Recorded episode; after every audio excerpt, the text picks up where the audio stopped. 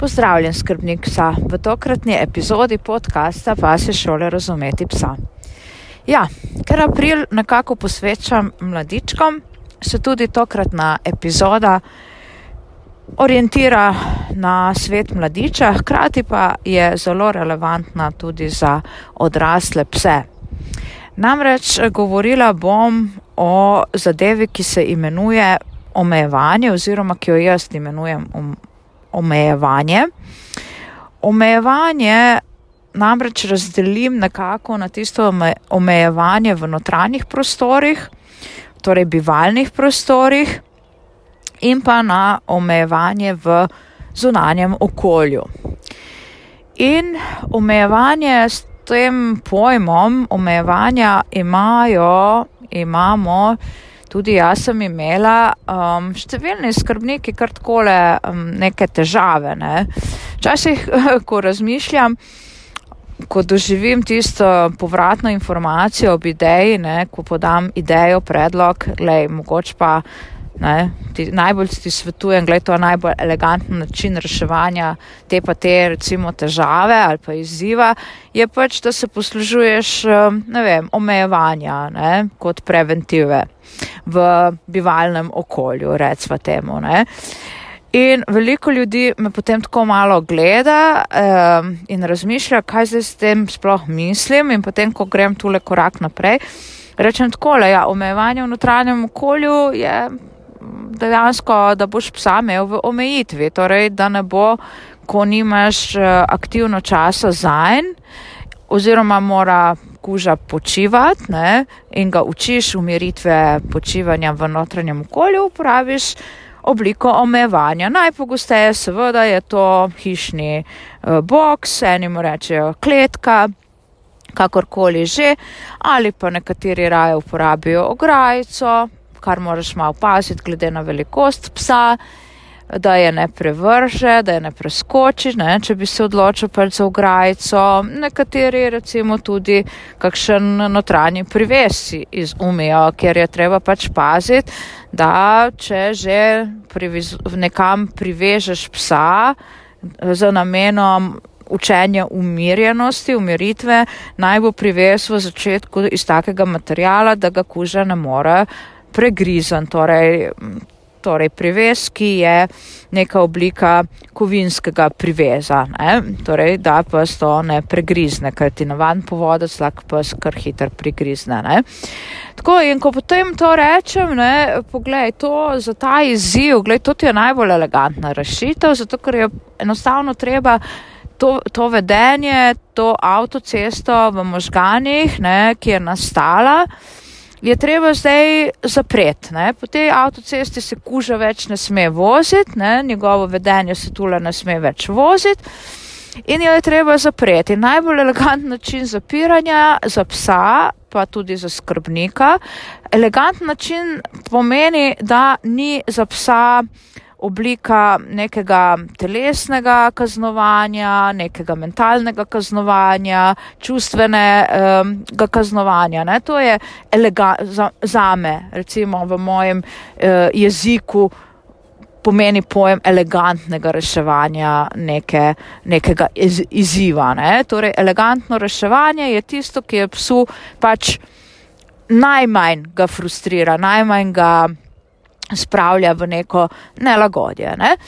In uh, potem skrbniki, ne, kletka, o oh, moj bog, da vidite vi to, kako me nekateri skrbniki pogledajo. Ne. Tako kot sem verjetno jaz prvikrat nekoga pogledala, pa ga niti nisem pogledala, ker jaz sem morala sama v življenju priti do te točke, ko ni bilo drugega izhoda, če smo želeli eh, zadevo preživeti, kot da sem si omislila hišni boks. Namreč pri meni je bila situacija takšna, uh, zakaj sem prišla do hišnega boksa. Prvič pred leti se o tem, ko sem jaz stopala v pasje slovne vode, se o kakšnih omejevanjih v notranjem prostoru v smeri kletk in podobno ni niti približno govorilo vsaj na moja začetniška ušesa te informacije nikoli niso prišle. No, potem pa čez leta sem šolala pse vodnike, slepih pa pse invalide, za invalidne osebe in sem včasih v dom sprejela psa, ki je imel tudi tako imenovano ločitveno tesnobo. Torej mu je bilo težko, ko sem jaz odhajala od doma in je moral ostajati sam, kljub temu, da so bili prisotni še drugi psi, to pri lečitveni tesnobi več ali manj čistnač ne pomaga, ne? prisotnost drugih psov. In se je dogajalo, da je ta kuža, recimo to govoriva o letu dni starem labradorcu, zlatem prinašalcu in podobno, da je ta kuža naredil v stanovanju, mislim, grozo, ne? od pogrizenih knjig, telefonov, očal, ne vem kaj še vse ne. In potrebno je bilo najti neko rešitev ne, te, te težave, ker je to nevarno tudi za psa, eh, nevarno je, neprijetno je za okolje, torej pohištvo ne, in denarnico posledično. No, in potem sem tako prišla do tega, da ok, pa dajmo hišni boks, ne, kot vsaj ne bo prišlo do tega, da je vse uničeno, ne, pa da se pes ne vem, ne vem kako poškoduje. In takrat sem prvikrat stopila v svet te, tega omejevanja in ugotovila, da je to kar odlična odločitev in odlična pomoč, orodje, pomoč pri učenju marsikaterega izziva. Od sobne čistoče do umirjanja psa, do dovolj, zagotavljanja dovolj spanja, do grajenja odnosa, do muc, hišnih muc in podobno. Ne? Tako da, ja, jaz razumem vse skrbnike, ki me ob tej ideji omejevanja tako um, na široko pogledajo in jim je nelagodno. Jaz mislim, da tu ljudje kar malo to svojo frustracijo na plan pride ta naša frustracija. Ne? Uh, ta želja svobode, uh, raziskovanja, ki nam jo pes v končni fazi slika, ne? psa si pripeljemo v življenje tudi z namenom ne, tega dihanja, svobode, stopa v naravo, brezmejnosti. In ja, pa pa nekdo ti reče, da ga sprav v kletko. Ne? Ja, te duša zaboli. Ampak to pa zmeraj rečem, poglej, to je zgolj orodje.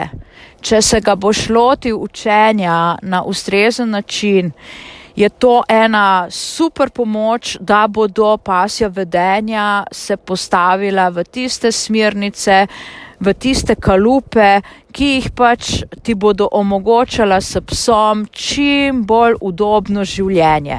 Ne? In potem, če boš želel, boš še to orodje naprej uporabljal ali ga ne boš uporabljal. Je pa fajn, da ima pes v svoji, ne vem, nahrbtniku veden in vsega tega, kar zna, da ima čim več ne, tehle, tehle um, možnosti. Tudi recimo, boks, ne, privajanost na hišni boks prav pride pri prevozu psa, ker je to res zelo varen način prevoza psa. Potem zelo prav pride, če moraš kdaj psa peljati k veterinarju, pa mogoče mora biti v hospitalu zaradi njegovega dobrega zdravja. Recimo, če ga moraš dati v kašno varstvo, je to pač neko vedenje, je ne, to neka situacija, tale omejevanje, je to neka situacija, ki je dobrodošla, da jo pes pozna, da jo obvlada, podobno kot so orodja recimo na gobčnika in podobno. Več kot pes psa naučiš različnih zadev, boljše je, ne? nikoli ne veš, kaj ti končni fazi prav pride. No in tako je tudi pri omejevanju. Ne? Omejevanje ni nič groznega, je zadeva, ki ti bo pomagala na veliko področjih, eh, kar se tiče pasjega vedenja, sploh če boš zadevo uvedel takoj, ko kuža pride v tvoj dom. Ne? Toliko recimo o omejevanju v bivalnih prostorih. Pri omejevanju moraš paziti, da to ne delaš po nekih takšnih ritualih, recimo da psa daješ v omejitev samo takrat, ko recimo greš v službo, pa te ni 8, 9, 10 ur, zato ker bo to psu potem pomenila ta omejitev, to dolgo ne, dolgo bivanje, to dolgo samoto. In v enem od YouTube predavanj sem uh, govorila o tem pasjem dojemanju časa, o pasi časovnici in pes ima to sposobnost dojemanja te. Tega časa, te dolžine, tega trajanja. Ne? Zato ti to odsvetujem. Psa je najbolje imeti v omejitvi takrat, ka, vedno, ampak vedno takrat, kadar nimaš oziroma se psom aktivno ne ukvarjaš. Torej, da nista v neki aktivnosti, takrat ti jaz res priporočam, da psa pač daješ v omejitev, tudi kadar si ti. Doma, ne? ker če ga boš takrat dejal pač na kavč, pa bo super, pa fajn, pa se bo pa ne vem kaj, potem pa res samo takrat, ko odhajaš, je pes v omejitvi, postane omejitev za psa sinonim za nekaj, kar mu ni prijetno in tega si ne želiš. Zato v začetku naj bo kuža vedno v omejitvi, kadar ti aktivno z njim ne upravljaš neke dejavnosti, ne vem, greš na sprehod, ga česar koli učiš, se igrata, spoznavata svet in podobne zadeve. To je takšna omejitev v notranjem prostoru. Na tem mestu bi samo na hitro ti še omenila, da obstaja omejitev v notranjem prostoru tudi uh, po poti povodca. Ne? Nekateri me tudi tu malo čudno pogledajo, kako to misliš v notranjem bivalnem prostoru, pa povodec. Ne? Ja, poglej, ko imam mladiča, imam navado, da je na njem vse čas ovratnica in pa tudi povodec. Ne? Torej, en krajši povodec, kaj je razlog tega? Razlog je preprost, da recimo, če opazim, da bi kuža, ne vem, eh, tiste trenutke, ko sva v bivalnem prostoru pač upravljava neko zadevo, ne, da bi šel, ne vem, uh, se želel približati v tičnici, ne vem, kajkoli drugega početi, kar na dolgi rok vidim, kot da mi ni ok, pač stopim na povodec, tako psa pač omejim, zato je to omejitev.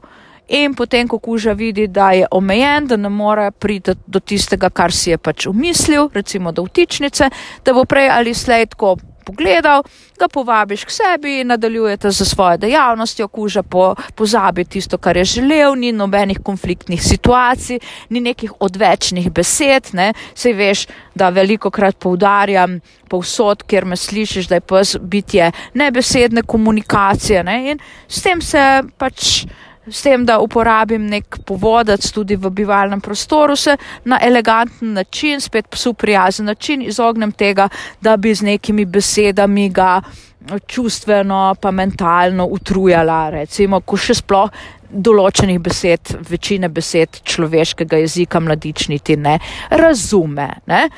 Lej, takole, razmisli ne, o omejevanju, če je to res en veliki bav bav, ne?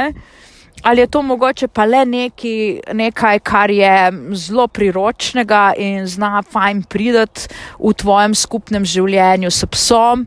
Je pa to, zapomni si, če imaš težavo, če ti je težko, je to lahko samo prehodno orodje.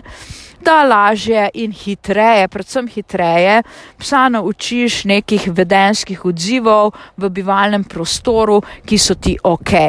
In po mojem skromnem mnenju je najboljši odziv za psa v bivalnem okolju da, ta, da pač kuža v bivalnem prostoru počiva. Ne? Čim manj drugih aktivnosti, da se ne bosta zapletla v, v to, da se ne ve, kaj, kaj, čemu je sploh namenjen bivalni prostor. Ne? V mojem jeziku je bivalni prostor res namenjen počitku.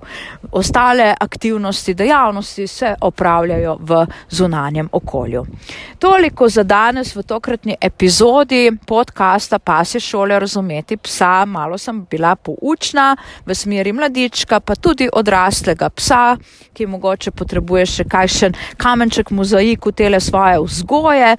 Govorila sva o omejevanju v bivalnih prostorih, naslednjič se bova pa lotila uh, omejevanja v zunanjem okolju, pa bova kaj več o tem povedala. Upam, da si že naročen na kanal oziroma na podcast uh, Pasje šole razumeti psa. Srečaš me na YouTubu, na Apple in podobno. Seveda YouTube kanal skriva ogromno uh, poučnih in uporabnih vsebin, tako da pogledaš YouTube kanal, pa se šole razumeti psa. Potem najdeš seveda na spletni strani, pa se šole razumeti psa. Tako da poglej Instagram, Facebook, lej to, kar počenjam, delam zato, da je tvoje življenje s psom čim bolj kvalitetno, udobno, da se pač, da spoznavaš svojega psa in da vama je obema v življenju čim lepše. No, s to mislijo in s tem namenom se danes Alenka in ti poslavljava, ne, kot vedno je, vedno moj gospod ptičar nekje v bližini. Tako želiva ti čudovito, čudovito življenje s tvojim kuškom.